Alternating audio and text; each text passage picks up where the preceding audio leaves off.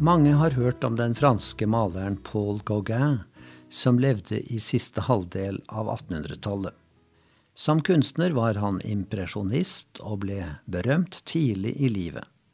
Han ble både populær og etterspurt. Men så hendte det som kan skje med personer som oppnår stor suksess i unge år.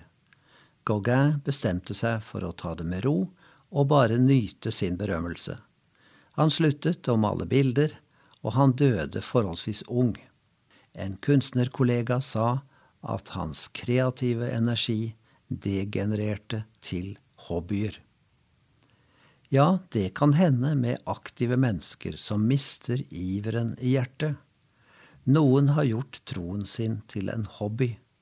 Det er noe de kan hoppe inn i eller ut av etter tid og lyst. De har ikke innviet seg til å bruke gavene de har fått.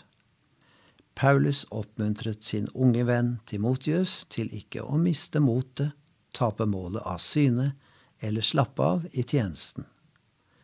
Den som renser seg, blir et kar til fint bruk, innviet og nyttig for husets herre, gjort i stand til all god gjerning.